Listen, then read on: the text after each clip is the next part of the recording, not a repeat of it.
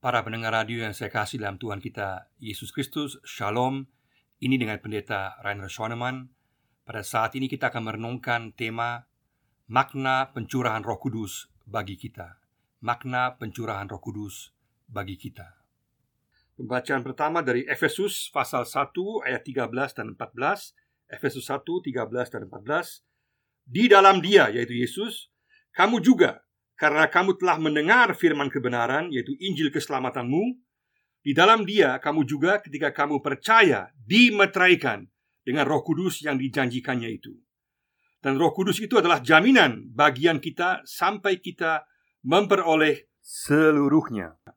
Yaitu penebusan yang menjadikan kita milik Allah untuk memuji kemuliaannya. Pembacaan kedua Efesus pasal 5 ayat 18b Efesus pasal 5 ayat 18b bunyinya demikian Tetapi hendaklah kamu penuh dengan roh. Tetapi hendaklah kamu penuh dengan roh. Pembacaan yang berikut dari Yoel pasal 2 Yoel pasal 2 ayat 28 sampai 32 tentang hari Tuhan. Kemudian daripada itu akan terjadi bahwa aku akan mencurahkan rohku ke atas semua manusia maka anak-anakmu laki-laki dan perempuan akan bernubuat. Orang-orangmu yang tua akan mendapat mimpi, teruna-terunamu akan mendapat penglihatan-penglihatan. Juga ke atas hamba-hambamu, laki-laki dan perempuan akan kucurahkan rohku pada hari itu. Aku akan mengadakan mujizat-mujizat di langit dan di bumi, darah dan api dan gumpalan-gumpalan asap. Matahari akan berubah menjadi gelap gulita, dan bulan menjadi darah sebelum datangnya hari Tuhan yang hebat dan dahsyat itu. Dan barang siapa yang berseru kepada nama Tuhan akan diselamatkan. Sebab di Gunung Sion dan di Yerusalem akan ada keselamatan, seperti yang telah difirmankan Tuhan, dan setiap orang yang dipanggil Tuhan akan termasuk orang-orang yang terlepas. Makna pencurahan Roh Kudus bagi kita. Hari Pentakosta adalah hari pencurahan Roh Kudus, hari lahirnya gereja, dan sebuah awalan masa yang baru. Roh Kudus adalah modal utama gereja, bukan lembaga, bukan gedung, bukan uang, tetapi kuasa Roh Kudus. Karena Roh Kudus adalah penerus karya Yesus di dunia. Ketika saya masih kecil, saat saya tinggal di Pulau Jawa di Batu Malang di tahun 70-an, saya pernah melihat sebuah hal yang unik dan aneh. Ada seorang penjual sandal memikul banyak sandal di depan dan di belakang dan berteriak, Sandal, sandal, sandal. Anehnya, dia sendiri tidak pakai sandal. Dia jual sandal, tetapi dia sendiri tidak pakai sandal. Jangan sampai kita orang Kristen pada hari Pentakosta ini berbicara mengenai Roh Kudus, tentang Roh Kudus, tetapi sendiri tidak memiliki atau tidak hidup dengan Roh Kudus. Kita perlu tahu bahwa kita memiliki Roh Kudus dan apa artinya kita memiliki Roh Kudus untuk kehidupan sehari-hari kita. Karena hidup dengan kuasa Roh Kudus adalah sangat penting untuk setiap orang percaya. Ada tiga hal mendasar yang sangat khusus dan penting dalam iman Kristen, yaitu pertama, anugerah Allah yang mengampuni kita, kedua, kebangkitan Yesus yang memberikan kepastian pengharapan akan kehidupan kekal, dan ketiga, pemberian Roh Kudus ke dalam kehidupan sebagai kekuatan penghibur, pengajar, dan jaminan keselamatan kita. Sungguh luar biasa. Inilah keistimewaan Injil yang harus selalu kita pegang dan imani dan syukuri. Kita memperoleh anugerah kepastian pengampunan dosa, bukan mudah-mudahan atau semoga diampuni, tapi pasti. Kita pasti bangkit karena Yesus bangkit dari antara orang mati dan telah mengalahkan maut. Kita pasti memiliki kehidupan kekal dan selamat, bukan mudah-mudahan atau semoga, tapi pasti. Dan dalam kehidupan sehari-hari, segala pergumulan, masalah, tantangan, dan dalam pelayanan, kita tidak ditinggal sendiri, tetapi memiliki Roh Kudus. Roh Kudus yang memampukan kita. Kita boleh meminta kuasa Roh Kudus untuk mengubah kita, bekerja dalam kehidupan kita. Ada lima hal yang ingin saya tekankan dari pembacaan firman Tuhan tadi. Yang pertama adalah orang percaya dimeteraikan dengan Roh Kudus. Orang percaya dimeteraikan dengan Roh Kudus, Efesus 1 13 sampai 14. Dalam Efesus 1 tadi dikatakan dengan jelas bahwa setiap orang yang percaya kepada Yesus maka dia dimeteraikan dengan Roh Kudus, artinya memiliki Roh Kudus. Di Roh Kudus diberikan langsung saat kita percaya. Dimeteraikan itu berarti kita sah dan pasti memiliki Roh Kudus yang sekaligus adalah tanda ciri khas orang percaya. Jadi tidak ada pemberian Roh Kudus secara bertahap atau model kredit atau dengan melalui pengalaman atau cara-cara tertentu, bukan. Tetapi saat kita percaya kepada Yesus, kita langsung menerima Roh Kudus secara penuh, secara full. Artinya Roh Kudus masuk ke dalam kehidupan kita. Roh Kudus juga kadang disebut Roh Allah atau Roh Kristus karena Allah dan Yesus yang memberikan roh kudus kepada kita Tuhan Yesus telah naik ke surga Ke dalam kemuliaannya Tetapi Tuhan Yesus tetap berada bersama-sama dengan kita Lewat kuasa roh kudus Sebagai kekuatan dalam segala situasi hidup dan pelayanan kita Roh kudus sebagai kekuatan dalam segala situasi hidup Adalah jaminan keselamatan, penghibur dan pengajar kita Yesus dan roh kudus adalah satu Roh Kudus meneruskan karya Yesus di dunia ini. Yesus dan Roh Kudus tak terpisahkan. Roh Kudus yang menjelaskan Yesus bagi kita, tanpa Roh Kudus yang adalah penginjil sejati yang menyadarkan kita, kita tidak dapat mengenal siapa Yesus sesungguhnya. Kita juga tidak dapat sungguh menyadari dosa kita. Tidak mungkin orang menjadi percaya kepada Yesus tanpa karya Roh Kudus. Roh Kudus yang menjelaskan Yesus bagiku, Yesus bagiku. Roh Kudus juga merubah hidup saya Dialah pembaharu hidup saya, yaitu Yesus di dalamku. Yesus di dalamku. Roh Kudus juga mengingatkan kita akan pengajaran Yesus dan memimpin kita dalam kehidupan. Roh Kudus menjelaskan Yesus yang di depanku, Yesus yang di depanku, yang mengajar, memimpin, menguatkan, dan menghiburkan kita dalam kehidupan sekarang dan sampai kekal selamanya. Roh Kudus juga melengkapi kita dengan karunia-karunia untuk pelayanan, Itulah Yesus melaluiku. Yesus melaluiku. Sehingga kita dapat jadi berkat bagi orang lain. Mari sama-sama kita bersyukur untuk pemberian Roh Kudus dalam kehidupan kita. Mari kita bersyukur bahwa dalam Roh Kudus Yesus ada bagi kita. Yesus ada di dalam kita. Yesus ada di depan kita dan Yesus ada dan berkarya melalui kita. Puji Tuhan. Katakan, aku mau terus hidup dengan kuasa Roh Kudus.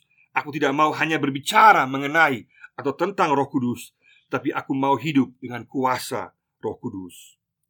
Yang kedua adalah orang percaya harus dipenuhi Roh Kudus. Orang percaya harus dipenuhi Roh Kudus. Efesus 5 ayat 18b. Dalam Efesus 5 tadi dikatakan bahwa berilah dirimu dipenuhi dengan Roh Kudus. Dipenuhi Roh Kudus artinya karakter kita, pribadi kita, kehidupan kita diperbaharui oleh Roh Kudus. Jadi manusia dalam kita diperbaharui terus-menerus. Dipenuhi Roh Kudus bukan soal fenomena-fenomena luar, bukan soal bahasa roh atau nyanyi dalam roh atau fenomena yang lain, bukan di sini. Tetapi di sini berhubungan dengan pembaharuan pribadi, karakter, pola pikir kita dan sikap kita. Ini berarti setelah kita percaya dan memiliki Roh Kudus yang ada dalam kehidupan kita, maka kita harus memberikan ruang kepada Roh Kudus agar menguasai semua bagian kehidupan kita. Cara berpikir kita, sikap terhadap orang lain, perkataan kita, tindakan kita, cara kita pakai posisi jabatan, uang kita, waktu kita, kemampuan kita, karunia kita, semua harus berada di bawah kekuasaan Roh Kudus. Jadi pertanyaannya adalah, siapakah yang menguasai kehidupan kita?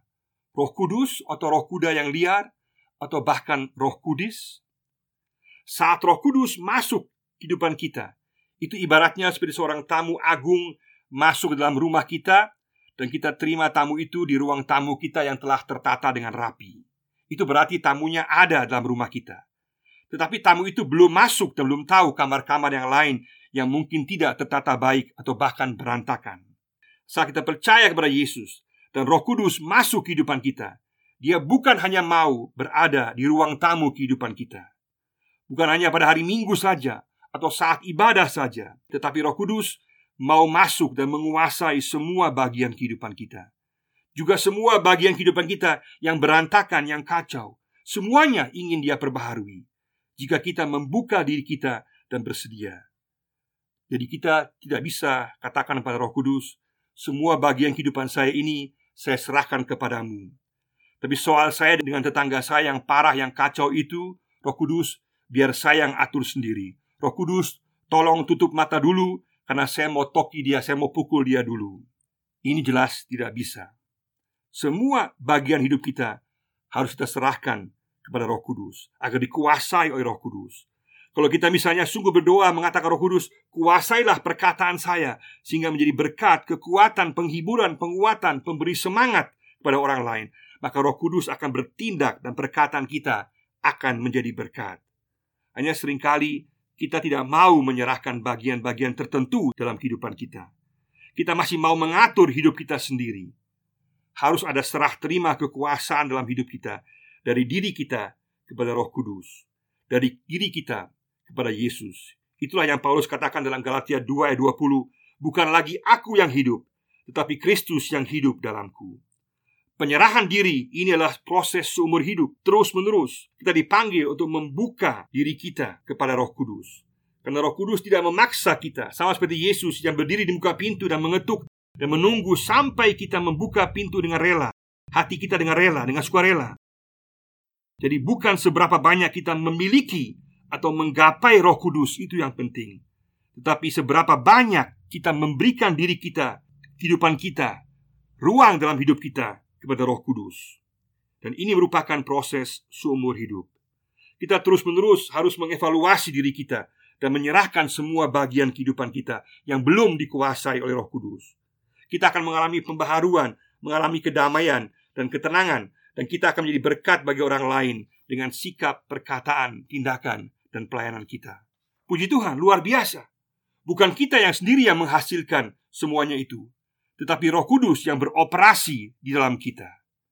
Jadi kita bukan harus berusaha dari kekuatan sendiri, usaha kemampuan kita sendiri, bukan. Yesus dan Roh Kudus bukan mengatakan berusahalah sendiri, cobalah menjadi orang yang baik, tidak. Tetapi mengatakan datanglah padaku, pada Roh Kudus Datanglah pada Yesus, serahkanlah dirimu pada Roh Kudus, maka Roh Kudus akan bertindak dan memperbarui kita. Bukan kita yang bekerja, tapi Roh Kudus yang bekerja. Tapi ini hanya bisa terjadi kalau kita membuka diri kita dan menyerahkan diri kita kepada Yesus dan kepada Roh Kudus. Katakan Tuhan Yesus, Roh Kudus, kuasailah semua bagian kehidupan saya. Silahkan sebutkan dalam hati kita bagian-bagian apa dan mana dalam kehidupan kita yang belum kita serahkan kepada Roh Kudus. Katakan, "Aku rindu dipenuhi Roh Kudus, dan aku membuka diriku bagimu, Roh Kudus." Yang ketiga adalah nubuatan pencurahan Roh Kudus yang digenapi bagi semua orang percaya. Nubuatan pencurahan Roh Kudus yang digenapi bagi semua orang percaya. Yoel pasal 2 ayat 28 sampai 29. Nubuatan pencurahan Roh Kudus ini telah diberikan Nabi Yoel dalam perjanjian lama. Arti nama Yoel adalah Yahweh adalah Allah. Yoel adalah seorang imam yang bernubuat sekitar abad ke-9 sebelum Masehi di kerajaan selatan yaitu Yehuda. Yoel memanggil orang-orang Yehuda yang meninggalkan Tuhan untuk bertobat. Dalam pasal 1 dan 2 digambarkan terjadi wabah belalang yang mengerikan dengan kekeringan yang luar biasa dan kebakaran di tanah Yehuda. Semua ini menurut Nabi Yoel adalah penghukuman Tuhan.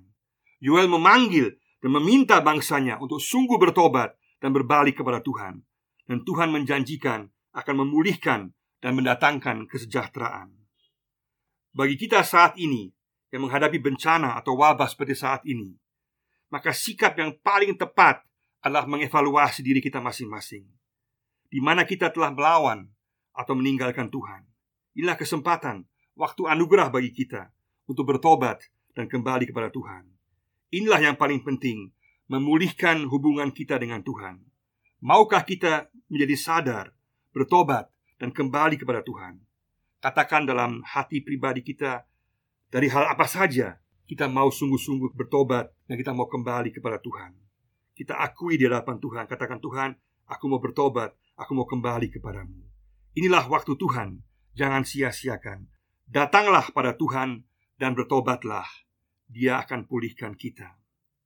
Yoel menubuatkan bahwa di masa depan Allah akan mencurahkan rohnya atas semua orang percaya. Dan nubuatan ini kemudian digenapi 900 tahun kemudian menjadi kenyataan pada hari Pentakosta. Roh Kudus sekarang diberikan kepada semua orang percaya. Dalam perjanjian lama Roh Kudus hanyalah diberikan kepada pribadi-pribadi tertentu dalam jabatan-jabatan tertentu yaitu imam, nabi, dan raja. Tetapi sekarang dijanjikan dan diberikan untuk semua orang percaya tanpa kecuali. untuk semua golongan, pria dan wanita, anak-anak, dan bahkan para budak-budak semuanya. Allah tidak kikir, Allah mencurahkan dengan berlimpah, dan yang Allah berikan adalah rohnya sendiri yang begitu berkuasa, yang ada pada saat penciptaan dan yang membawa berkat, kebenaran, dan keadilan. Semuanya akan bernubuat, artinya pengajaran firman Tuhan akan diperoleh semua orang, terbuka untuk semua. Nubuatan dalam perjanjian lama adalah untuk memperoleh pengetahuan tentang Allah yang lebih dalam. Di sini disebutkan mimpi yang diperoleh saat tidur dan visi pada saat sadar. Artinya semua nubuatan, mimpi dan visi harus membawa pengenalan akan Allah yang lebih dalam sesuai dengan juga Yeremia pasal 31 ayat 33 dan 34. Tetapi isi beritanya harus jelas dan sesuai dengan Alkitab secara keseluruhan. Mimpi dan visi harus jelas dan tidak boleh talingkar atau ruwet atau rumit. Kalau berbelit-belit, tidak jelas, pasti bukan dari Tuhan. Mungkin karena ada gejolak pergumulan kejiwaan atau terlalu banyak makan malam mungkin. Kalau begitu, lupakan saja dan serahkan sama Tuhan. Karena kalau Tuhan mau mengatakan sesuatu lewat mimpi atau visi, pasti akan Tuhan katakan dengan jelas. Dalam kisah para rasul 16 ayat 6 sampai 10, Paulus mendapatkan visi orang Makedonia yang berseru, "Menyeberanglah kemari." Setelah mendapatkan visi tersebut, Paulus bukan bilang, "Sekarang kamu semua harus ikut visi saya yang telah aku terima." Bukan, tetapi kemudian dia bagikan visinya kepada yang lain dalam kerjasama, dalam teamwork, diteliti bersama, dan kemudian diputuskan bersama. Empat kali kata "kami" dipakai dan bukan saya. Kami memutuskan. Dalam Perjanjian Baru, tidak ada hamba Tuhan single fighter yang memimpin sendiri, tetapi selalu dalam tim. Sampai hari ini ada banyak kesaksian orang menjadi percaya kepada Tuhan Yesus lewat mimpi dan visi. Semua mimpi dan visi dari Tuhan pasti isinya jelas dan sesuai dengan Alkitab. Nubuatan Yuel ini kemudian digenapi pada hari Pentakosta, hari Sharnot. Hari Raya Pentakosta dirayakan 50 hari sesudah Paskah. Pentakosta adalah hari raya pengumpulan hasil panen yang dibawa kepada Tuhan dan adalah sebuah pesta sukacita. Pentakosta juga adalah menjadi hari raya siarah bagi umat Yahudi yang datang dari segala penjuru dunia ke Yerusalem. Pada hari di mana puluhan ribu orang berkumpul, terjadilah peristiwa Pentakosta pencurahan Roh Kudus. Petrus kemudian berkhotbah dan tiga ribu orang menjadi percaya. Inilah waktu atau kairos Allah Cikal bakal gereja. 3000 orang menjadi percaya. Nubuatan Yesus bahwa Petrus menjadi penjala manusia Menjadi kenyataan. Di Danau Galilea Petrus sepanjang malam menjala ikan Tetapi tidak dapat apa-apa. Dan sekarang dia sekali berkhotbah Dan 3000 orang menjadi percaya. Luar biasa. Sebagai bukti kehadiran roh kudus Terjadi mujizat Para murid berbicara dalam bahasa-bahasa dari daerah-daerah di mana semua orang Yahudi itu berasal dan dimengerti oleh mereka. Dalam khotbah di hari Pentakosta, Petrus mengutip dari bagian Yoel ini dan mengatakan bahwa nubuatan Yoel mengenai pencurahan Roh Kudus digenapi dan terjadi pada hari ini. Mereka berbicara dalam berbagai bahasa. Itulah mujizat yang terjadi dan bukti pencurahan Roh Kudus. Sebelumnya juga ada peristiwa dahsyat yang terjadi. Pada hari Pentakosta dalam kisah para rasul 2 ayat 2 dikatakan bahwa ada tiupan angin keras yang memenuhi seluruh rumah di mana para murid duduk. Tanda-tanda sekitar pencurahan Roh Kudus ini juga disaksikan oleh para penulis sejarah Yahudi Flavius Josephus dan juga penulis sejarah Romawi Tacitus. Josephus dan Tacitus menuliskan adanya bunyi gemuruh yang keras dan pergerakan di bait Allah dan dengan satu hantaman pintu-pintu bait Allah terbuka dan ada berbagai seruan yang keras melebihi manusia mengatakan, "Mari kita pergi dari sini." Kesaksian mereka adalah sesuai dengan kisah para rasul. Roh Allah keluar meninggalkan bait Allah dan kemudian datang atas para murid dan tersebar sekarang ke seluruh dunia. Kita semua memperoleh Roh Kudus. Luar biasa. Dan sampai hari ini Roh Kudus ada pada tiap-tiap orang percaya. Itu juga sebabnya mengapa Paulus katakan di 1 Korintus 3 ayat 17 bahwa kita orang percaya adalah bait Allah. Roh Kudus bukan tinggal dalam gedung bait Allah, tetapi Roh Kudus sebagai tanda kehadiran Allah ada dalam hidup tiap orang yang percaya kepada Yesus. Mari sama-sama kita bersyukur untuk pemberian Roh Kudus yang sungguh istimewa ini. Saat kita percaya pada Yesus, Roh Kudus ada dalam hidup kita. Kita adalah bait Allah. Puji Tuhan. Firman Tuhan yang dinubuatkan digenapi. Kita boleh mengandalkan firman Tuhan dan boleh semakin mengenal firman-Nya. Katakan Roh Kudus, aku rindu untuk semakin mengenal Yesus. Yang keempat adalah tanda-tanda menjelang hari Tuhan. Tanda-tanda menjelang hari Tuhan Yoel 2 ayat 30 dan 31. Hari Tuhan adalah hari di mana Tuhan akan datang dengan kuasa dan kemuliaannya. Gambaran bencana dan kekeringan menurut Nabi Yoel adalah penghukuman Tuhan. Juga merupakan gambaran akan kengerian hari Tuhan di akhir zaman. Bagi musuh umat Allah, hari Tuhan akan menjadi penghukuman yang dahsyat. Tetapi bagi umat Allah yang percaya akan menjadi keselamatan dan membuka masa kesejahteraan dan kekudusan. Dalam Matius 24 dan juga Lukas 21, Yesus berbicara mengenai tanda-tanda akhir zaman dan hari Tuhan. Akan ada pemberitaan Injil sedunia yang luar biasa. Tetapi juga akan ada peperangan, kelaparan, dan juga wabah maut. Kemudian akan ada penyiksaan terhadap orang-orang percaya. Ada tanda-tanda di langit. Dan kemudian Tuhan Yesus akan datang dalam kuasa dan kemuliaan.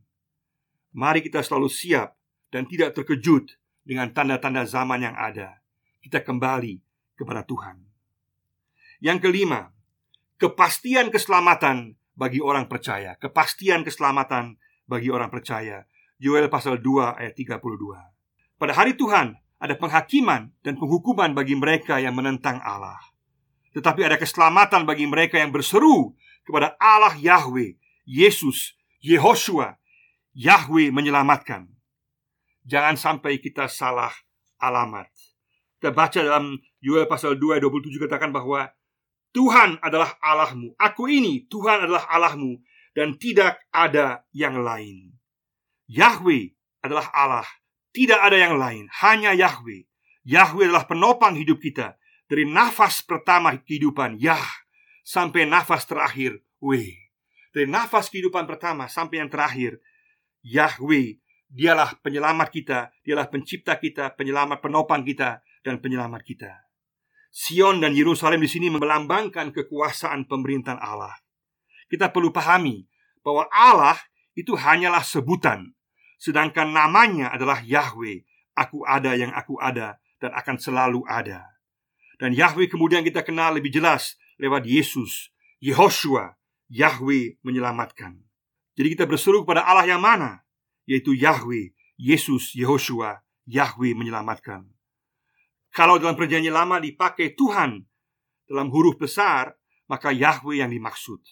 Jadi Allah yang kita imani dan kepadanya kita berseru adalah Yahweh dalam Yesus, Yehoshua, Yahweh menyelamatkan. Dan barang siapa yang berseru pada nama Tuhan, pada Yahweh, pasti akan diselamatkan sesuai dengan Roma pasal 10 ayat 9 sampai 10. Juga dalam kisah Rasul 4 ayat 12 dikatakan, tidak ada nama lain yang menyelamatkan kecuali Yesus Kristus. Kepada siapa kita berseru? Kepada siapa kita percaya dan bersandar untuk keselamatan kita? Katakan aku berseru dan percaya kepada Allah Yahweh dalam Yehoshua Yesus. Aku pasti selamat. Mari kita bersyukur bahwa kita dimeteraikan dengan Roh Kudus yang ada dalam hidup kita, memimpin kita dan berkarya melalui kita. Berilah ruang dan tempat kepada Roh Kudus untuk menguasai semua bagian kehidupan kita. Katakan aku rindu dipenuhi Roh Kudus dalam hidupku. Di tengah situasi wabah bencana saat ini, katakan aku mau kembali kepada Tuhan, aku mau bertobat, aku rindu agar hubunganku dengan Tuhan dipulihkan. Aku mau selalu siap menghadapi berbagai tanda zaman, peperangan, kelaparan, bencana, wabah dan maut dengan bersandar kepada kuasa Roh Kudus. Aku mau berseru dan mengandalkan nama Yahweh, Yesus, Yehoshua untuk keselamatan saya. Aku pasti selamat dalam Yahweh, dalam Yesus. Aku dimeteraikan dengan Roh Kudus. Aku dipenuhi dan diperlengkapi dengan Roh Kudus. Juga jemaat kita, gereja kita, katakan kita mau dipenuhi oleh Roh Kudus. Kiranya Tuhan memberkati kita semua. Amin.